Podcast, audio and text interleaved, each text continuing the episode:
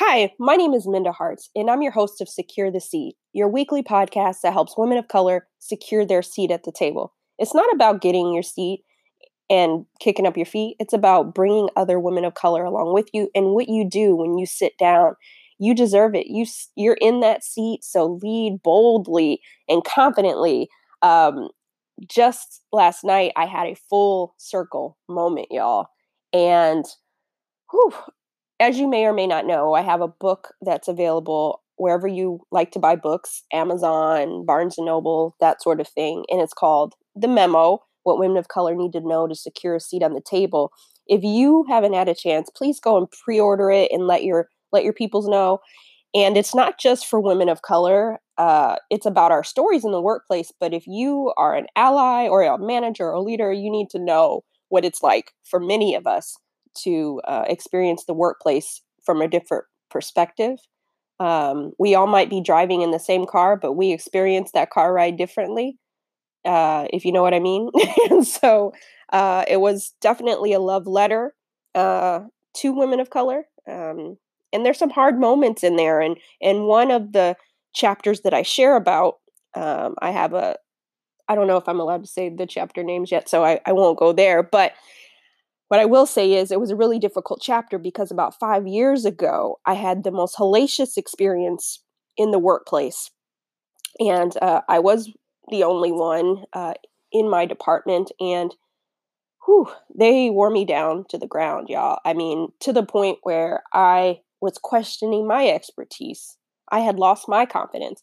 When I left that place, I pretty much had crawled out the door because I was worn down so hard. And I had never experienced what I experienced quite like that. Obviously, I had been the only one in other environments and uh, greeted with microaggressions um, on the walls and the halls, but this was a different type of beast. And it took a lot out of me. And that situation is what helped birth my advocacy for for women of color in the workplace because I said, not on my watch. Well, I sit around and let these situations happen to other women of color. Where do we go when our hearts are broken after being at our dream job and people who just are not good human beings uh, run you out of there or uh, don't respect you? And so, all the work that I do is because I want to feel like um, you. I want us to feel like we're not alone, and that when you're going through something, you have people, you have resources, you have tools to be able to move forward. And so last night I had this full circle moment. I was invited back to the scene of the crime to speak. Not not in that department because God knows they would not have invited me back. But the place is a very large, large company, and uh, a different department had brought invited me to speak for Black History Month and it was i had so much anxiety. When i landed in the city at the airport i was experiencing like ps ptsd that's how bad like the week before i had all this anxiety um but it i crawled out of here five years ago but i walked back into this city with my head held high and i left with a different perspective because when i left here the first time I did not have the memo. I did not have the Women of Color Equity Initiative. I did not have Secure the Seat.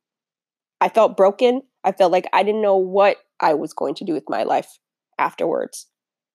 And I felt like I had worked f- for so long, so hard to get to that point, and just to be met with so much systemic uh, racism, if I will, it was a lot.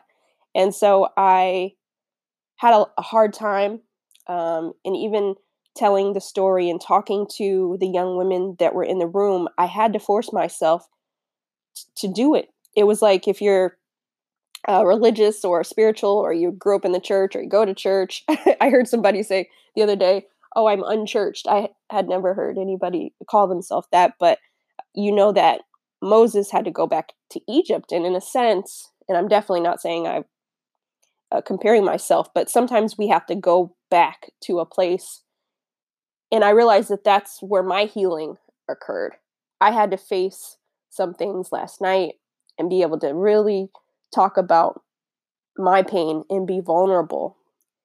And uh, that's something that I'm still working on as an entrepreneur, as a speaker. I talk about a lot of things, obviously, but that vulnerability, admitting that things like this, it's hard, right? But all those young women in the audience that I had the opportunity to talk to, it just did my heart good because, you know, they're at a young age and some of us did not have all of these resources and tools when we were their age to be able to enter the workforce knowing that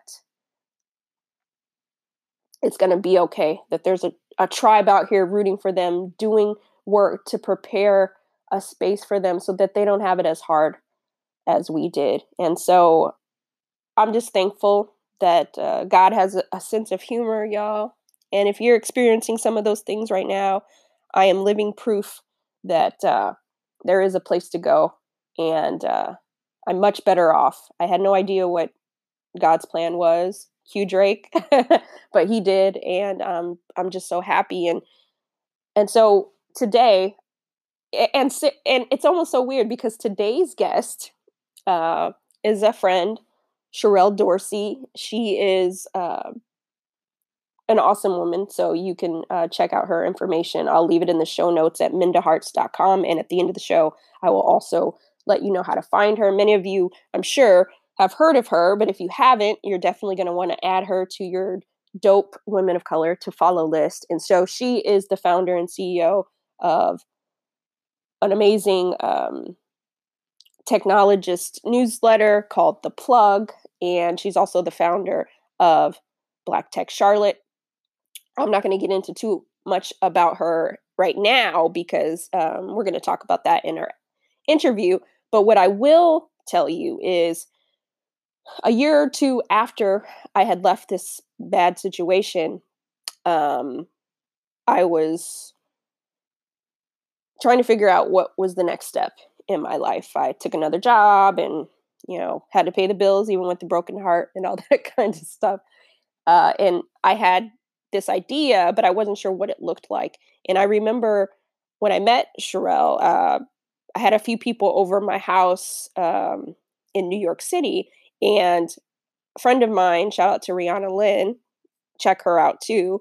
Uh, she invited Rihanna was at my home and she invited Sherelle, who was a friend of hers, and I had not met her. So we're all sitting around talking about life, work, the pursuit of happiness. And around that time, I was just getting started with the memo. Um, and Sherelle, I I don't even know if she had launched her first um, newsletter or not, but she was in the works of doing that. But it, we were all like building around the same time. And it's just so awesome to watch your friends shine and flourish. And we had all these ideas. It was like some meeting of the minds that day. And I couldn't be proud, more proud of her. And obviously, she's just scratching the surface of what she's done. But I just remember us talking about what we're doing, what we're hoping to build, and and now to have this moment with her you know a few years later it's just awesome it's awesome and so uh, we're able to support one another and i'm glad to introduce her to you for those who are not familiar with her work let's get into it Sherelle, welcome to secure the seat how are you i'm doing well this morning thank you for having me yes i am so excited to have you on the show i really get amped when I have people on that I know. You know, it just feels so good. Yeah. So for coming on. But tell everybody a little bit about you. Absolutely. I like to tell people I'm a journalist masquerading as an entrepreneur. Um, I am the, the, the, CEO and founder of The Plug, uh, which is the definitive source for investigative Black tech news. We have a daily tech newsletter that covers um, founders, innovators, um, Black economics and trends um, within the sort of tech business space. Um, I am also the founder and CEO of Black Tech Charlotte, which is um, Charlotte's first hub, um, specifically developing and empowering entrepreneurs and technologists of color across the Charlotte metro area. Wow, all that magic. I, I love that. And you mentioned Black Tech Charlotte. Walk us through why Charlotte and not another city. That's yeah, that's that's such an important question. So I moved to Charlotte in 2014 um, from New York City by way of Connecticut. I had wrapped up a fellowship, moved, um, didn't have a job at the time. Um, you know, sort of networked. Eventually landed at um, Uber as a marketing manager. Um, and, and, part of that, like sort of subculture around tech and startups, and I think especially, you know, in whatever industry you're in, you're sort of always looking for a community to connect to. Um, unfortunately, the the communities that you know were sort of in this space around like technology, um, every time I walked into the room, I was either the only person of color or the only woman in the room. And um, I was confused because Charlotte is a very diverse city. It is majority um, majority Black, Hispanic, um, and and so so to not see representation on that level in such an important and fast-paced industry was super um, jarring. So some friends and I got together and we developed Black Tech Charlotte um, initially just as a meetup, you know, anticipating that just, you know, maybe 30, 40 people might show up just out of pity for us. And we had over 125 people show up to our first event, and that was the end of December 2016. Um, and so we've since really grown out um, this idea around Black community, you know, focused on, on tech, tech training, be it career paths or through entrepreneurship over the last two years.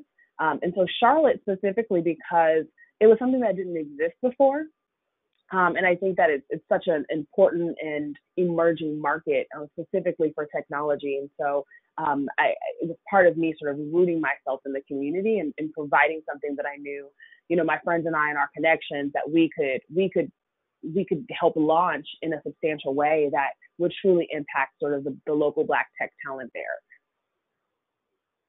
I love that. And, you know, in my circles, we often talk about the people who just kind of show up and just kind of create these things without getting to know the community. And you talked about the community. How important was building a community in Charlotte before just opening up the doors of Black Tech Charlotte?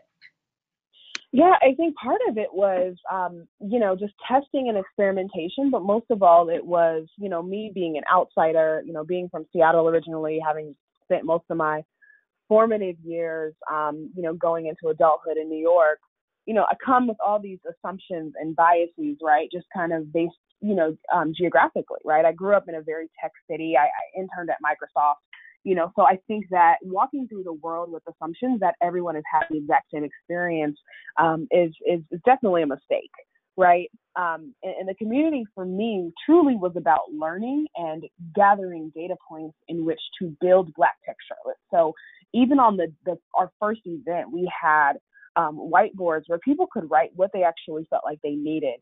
And so through the last two years, we've really been able to create programming that really falls in alignment with what individuals said that they needed. So we're not just creating things because we think they're fun, um, but we're creating things against almost like it was kind of like a customer discovery, right? Um, and I think also the, the other important part was my team and I spent just a great deal on, you know, going on tours of Charlotte, understanding the history, going, there's um, an amazing museum called the Levine of the New South. And we're sort of constantly at their programming trying to understand the history of segregation, um, the history of, of Black leadership, what have you, throughout the city, because it, it really helps to better understand um, space and um, location and you know gentrification and all of those kinds of things. Um, and I also did some like early reporting and writing on some of the innovations and neighborhood changes um, happening you know happening throughout Charlotte as um, you know as as like every other major city, right? Like these black neighborhoods are becoming decimated due to rising housing costs um, you know, gentrification, development, what have you. And so I think being able to have that context is so important for building for for people, for actual people.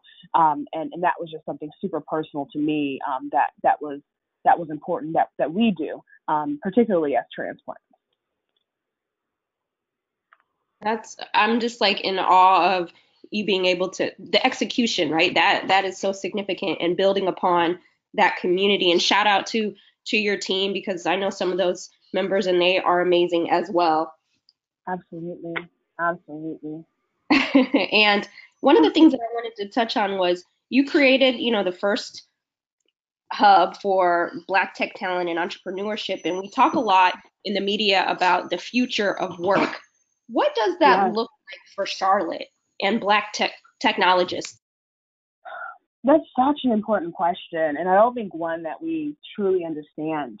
Um, I think that I kind of have my own personal opinion about what it should look like um, versus kind of what it is. I think there's a great deal of investment um, from a workforce development process, right? There's a lot of money being pumped from the federal, state, county, city levels, um, and I think this is true for most cities where we're we're trying to you know go on this pervasive let's teach everyone to code kind of world um, mm-hmm. without truly tech, talking to what employers are looking for right and we do at black tech charlotte we also do a great deal of um, inter- introductions of, of black technologists to some of the local tech companies that reach out to us um, around you know getting candidates into their pool that are coming from diverse you know diverse backgrounds and communities so um, you know, one of their, their largest gripe is like, no one's talking to us about what we actually need.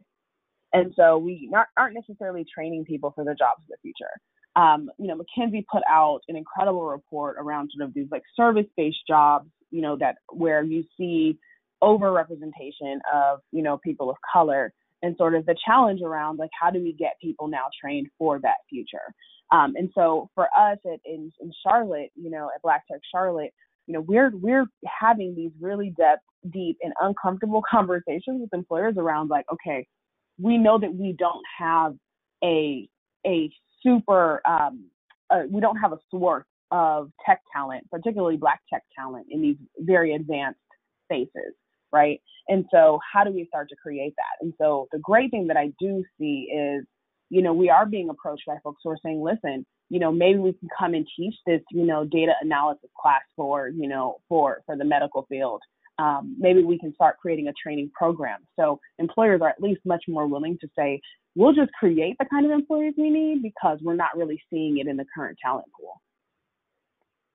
You know, you touched on so many important factors, but one being everyone doesn't have to learn how to code, right? Or maybe they should, but you hear that. I see those tweets, I see that out there so much. And there's so many women of color who are thinking right now, yeah, I want to make a transition into the tech space, but you know, I don't have the time or the money or maybe the bandwidth to learn how to code. Are there other ways to break into tech and not be in the coding, you know, some of those non-technical roles and how they do that? Um, yeah, absolutely. I mean, you know, I had a non-technical role at Uber, you know, as a marketing manager. There's still space for people ops. There's, there's still space, you know, for sales and biz, business development and people who just have like enough sense to to come in and like crush partnerships and things like that. Like there's there's so many transferable skills that tech continues to need. And I think a growing space now is kind of around this idea around like ethics and diversity and kind of helping to chart the moral philosophy of a company around strategy and brand. So I think that there's such diversity even in the roles. Um, it, it really is about positioning, and I think that's why it's it's worth like that like you do and, and others in this space around sort of career development um, and, and sort of self branding, you know, what your your tech knowledge is around just understanding where the industry is going. You know, you can you can read you know, every day on what's happening and be able to speak to that and use those skills to help help shape, you know, what well, what does that mean in, in the workplace if I'm going to apply these skills into tech? Um, you know, again, you know, I learned how to code in high school, you know, various languages that aren't probably as useful now. Um, I went back to school and, and, and, did sort of like this data science journalism program, um, specifically just around being able to think um, and learn as an analyst. Um, so there are some critical thinking skills that we really should be pushing more so than just coding alone because the way that artificial intelligence is set up, a lot of us won't have to actually learn how to code. We'll just drag and drop things um, for the most part, which is kind of what happens now, right? If you think about Squarespace, I'm ready for that. right, yeah. right. It makes it easier. And if you know a little bit and you can go and tweak your code, sometimes I have to go into like my MailChimp templates and like tweak my code. Like I know enough to be dangerous, as I tell people um, I think that I think that it really is just about positioning yourself well, um, and then you know looking at job descriptions of roles that you find interesting, you know, at tech companies, and really on like looking at well, how does this match up, you know, or having informational interviews with people who are in non-technical roles, like, hey, how did you get your job, you know, how, how should I be positioning myself for this? Um, and it never hurts to always just kind of learn new things. Um, you know, so I'm never against like, you know, learning a new skill set, but you know, I knew that I was not going to be a computer scientist. That just wasn't who I was. Um, you know, and, and again, that's the only reason why I did not go into computer science, but I was still able to do, you know, some have some sort of components of tech, you know, of technical um, projects within within my my my sphere of work. Um, you know, without having to make this large, long-term commitment of, of being like a programmer or a developer, because it's not for everyone, right? Absolutely, but we can still have some skin in the game. So I'm glad that you gave a couple of examples of what being in tech looks like. It's not doesn't have to be the traditional computer science guy or the coding. There's other ways that we can use our skills in a transferable way. Absolutely. And that I mean, you the work that you do and the work that I do, we deal with a lot of diverse talent and I often hear people say, "Oh," or they look at giving someone of color or underrepresented group a leg up and they kind of look at it as charity let's dispel dispel that myth right in 2019 like you know the things that we're leaving in 2018 is that this is charity work that, yeah, that's out here. so what do you think about that? Gosh i you know i always tell people and i said this on panels at rooms at like the, from the federal reserve to like just the most you know the, the the most like the high level rooms. I'm just like listen if you come to my door you know, with this like idea that you're doing us a favor, I'm gonna tell you to kick rocks.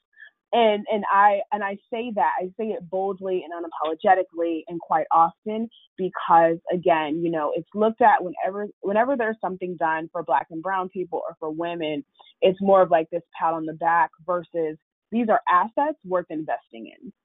And so, you know, with my work with the plug, um, I think even in just our commitment to writing rigorously um, and, and, developing analyses and databases, um, you know, on what's happening Black tech news trends, you know, our goal is you're not just copying, pasting a press release and congratulating every Black person for just doing something, right? Everybody here doesn't get a trophy.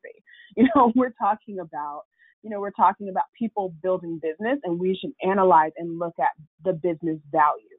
Um, and then even at Black Tech Charlotte, you know, when when we get approached by you know companies you know our thing is hey you know we're we're we are a business. You know we will help put you in front of you know some of the city's most promising you know professionals in this space. Um, but you don't approach us with this sense of like you know we're here we're going to go save the little black kids down the at the bottom of the hill i'm like these are assets you know if you do not invest in these assets they will get up and they will leave and they will move to cities like oakland and new york which has happened right? And, and if you don't value us and acknowledge us and acknowledge number one, our dignity, our humanity, and our intelligence, right? Because it's insulting when people do that. Um, again, you know, I tell people just, you know, kick rocks. You're you're not a good partner for us because you think you think that you're doing us a favor, and that's just that's the that's not the reality. It's the other way around. For the people in the back, yes, let them know we are we are not here for it. It's funny because um, I had pitched. Uh, a proposal at the memo and to this company and they said oh we already work with another uh, woman of color group we're done for the year right right we're done for the whole year but we but we champion diversity we champion that commitment but you know there's only one and that's that's that is so frustrating because it's like that is why we operate in this sense of there can only be one because you know companies will only spend their budget on this one group and they won't spread it out because as long as they have one they can say that they're diverse. But there's no sense of commitment towards like lifting the entire ecosystem and that that is just it just it's infuriating. It's completely infuriating. Exactly. But she like put on the gold star right? Like i did my thing for the year and it's like no sis you didn't really actually. No, just, just in that, just in saying that, like you've lost. I'm sorry. exactly. Um, I could keep talking to you all day long, but I know that you know people have things they have to do during the day, and I try to keep it short and sweet. And so, Sherelle, how can people find more of you because you drop the gems on the internet so they can find ah. find you out there? Absolutely. You know, definitely subscribe to the plug. Um, me and my my managing editor Tyler like really put our heart and soul into finding and telling these dynamic stories um, on on Black innovation, and we really try to bring just some great intellectual rigor behind it as well. Um, I am also, you know, on the web with Sherelle underscore Dorsey across Twitter and Instagram, and those are really the best ways to also just kind of engage with me. And I will make sure that all of that information is in the show notes so you all can find her and subscribe to the plug. And shout out to Tyler. we love you and you're the real deal. Um, but before we let you go, or before I let you go, rather, I have to ask you my bonus questions. And I am a lover of grits and rap lyrics. And wait, first off, yes. do you do you eat grits? I love grits. Okay, love sugar grits. or salt? See, I knew that was coming. I knew that was coming. Honestly, it depends on my mood. I can go for either or. I'm very neutral in this this debate, this ongoing Black culture debate. So okay, you're not going to get me there. okay, okay, I'll leave you alone. So we'll move on to what is your favorite rap lyric and why? So for those that know me, I am a tremendous Tupac fan. Um, the Prophet Tupac um, is is definitely a an incredible force in my life. I love this song. Um, it's the fourth verse in Me Against the World where he really goes in. Um, so there is an entire verse that I did want to share, but I'm going to actually go ahead and break that down for the sake of time um, to to this this this very specific um, piece.